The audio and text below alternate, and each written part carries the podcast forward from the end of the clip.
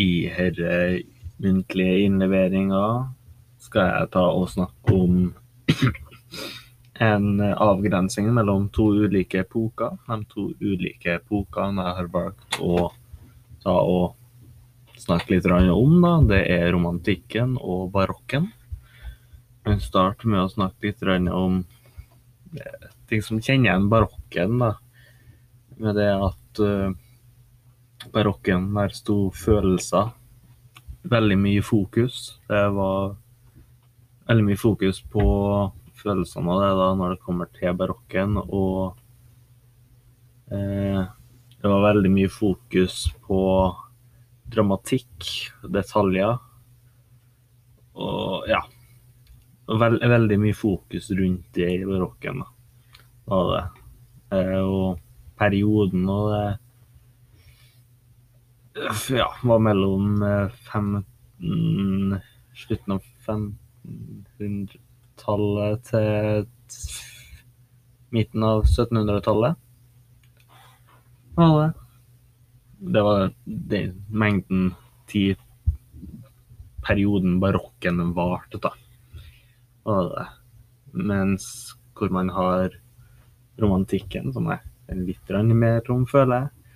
Hvor du hadde som var en epoke da, som hadde litt mer fokus på eh, ja, sånn kjennetegnmessig. Hadde mer fokus på følelser, fantasi, enkeltindividet, eh, naturen.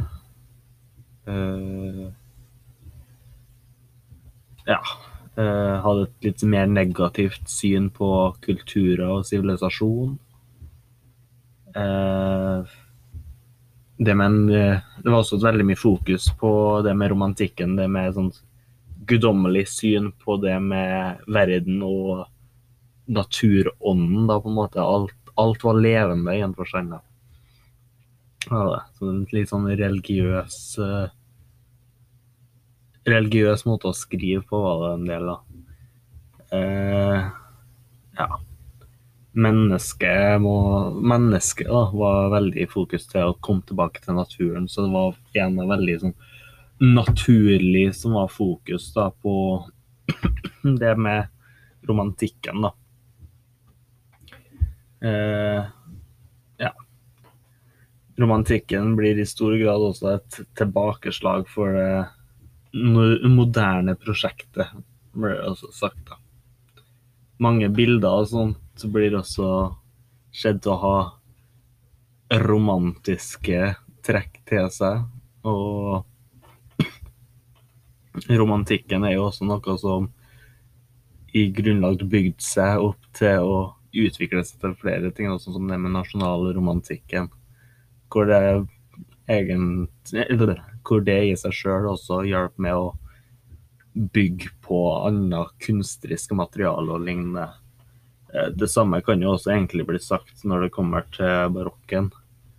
Eh, siden det var jo ikke bare skriftlig eh, sto, sånn, mer epokene var i fokus. Det var jo også selvsagt musikalsk, eh, li, ja, musikalsk, litterært, eh, kunstrisk. Eh, man kan også i en forstand si at det kunne ses i eh, billedhugging en forstand. Sånn hvordan eh, konstruksjon.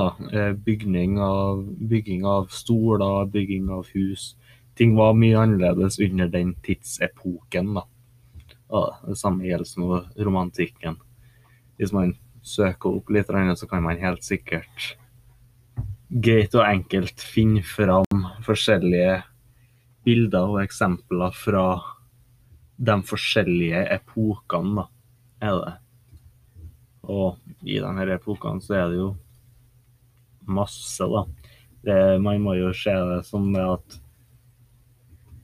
Ja, eh, hvis vi tar barokken, da, for eksempel, så varte den jo fra slutten av 1500-tallet til midten av 1700-tallet.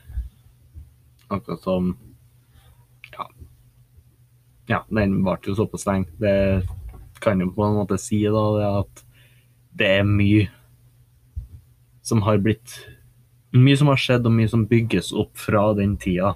Alt fra uh, kunst, kultur, musikk, litteratur, alt mulig sånt som har liksom holdt seg til den tidsepoken, da.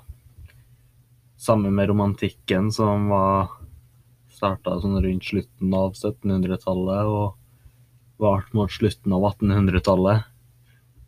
Som igjen ikke like stor av en tids, eh, tidslengde, men fremdeles en stor eh, tidsepoke hvor det var mye endring, da. Av det. Det var mye mer eh, Ja.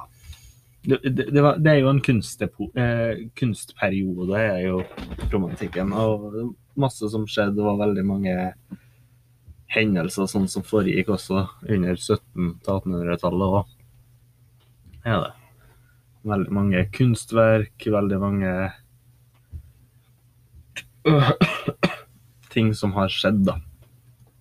Er det. Eh, noen kjente personer som kan ha blitt sett som eh, involvert i romantikken, kan jo være f.eks. Henrik Wergeland, eh, som var født under den tidsrammen. Er det som helt sikkert ble påvirka av eh, den romantiske eh, kunstalderen. Den romantiske tidsalderen, som man kanskje vil kalle det. Videre så kan vi jo kanskje ta se på noen andre kjente kunstnere og sånt, da, frem forskjellige tidsalderen også. Eh, kan jo gå videre igjen da med romantikken. Eh, jeg nevnte jo Henrik Ibsen. Herre. Han var sett som en av romantikkens fremste helter i en forstand. Uh, man har andre også, utenlandske uh, romantikere, da, hvis du vil kalle dem det. Som lord Byron, James Fenimore Copper eller Jonathan Wolfang von Giot veldig fancy navn. Ja, som kanskje for, eh, forstår, så var ikke romantikken bare sånn sentrert til Norge, men dette her var en internasjonal eh, kunstrisk tidsepoke. da. Ja, det samme gjelder nå også barokken. Når det kommer til nordmenn eller nordiske kunstnere og sånn, så har du Peter Dass eller Dorothe Engelbrettsdotter har du som noen. Eh, annet litterært så har du også John Doe, har du. Eh, som en eng, var, en, eller, var, en engelsk barokkpoet. Var veldig framstående på sin tid, da. Var det jo. Eh, noe som er sånn noenlunde nevnt, så var det jo med tanke på hvor lang barokken varte, så var det en såpass stor tidsepoke at det var også egen eh, interiør, eh, interiør og sånt av barokkstil, da. Som kunne være i alt fra kirka til universitet. Sånn, de har veld, veldig sånn bred, eh, dramatisk og elegant på en måte ornamentering hadde han da, i barokkens eh, tid. da. Det var, det skjedde som at han hadde strenge prinsipper om harmoni og eh, var nøysom da i renessansen i en forstand. Eh. Videre så har jeg egentlig ikke så utrolig mye mer å si angående barokken eller romantikken. Men vil avslutte med det at begge to var store epoker med store forskjeller i en forstand, og også mye informasjon, da. Informasjon i den forstand at det var masse forskjellige verk i de her epokene, om det var litterært, musikalt, eh, kunstrisk eller om det var konstruk eh, konstruksjon, for den del. hvor alle de her verkene fra begge de forskjellige bokene har skapt mange har skapt mange bølger så å si fram til den tiden vi er i dag, som har gjort det vi holder på med nå, til det det er i dag, da. Som har fått oss inn til den moderne romantikken på en måte som vi er i dag. Den, ny, nye, den nyeste epoken vi er i. Med det så vil jeg avslutte denne muntlige innleveringa, og takk for meg.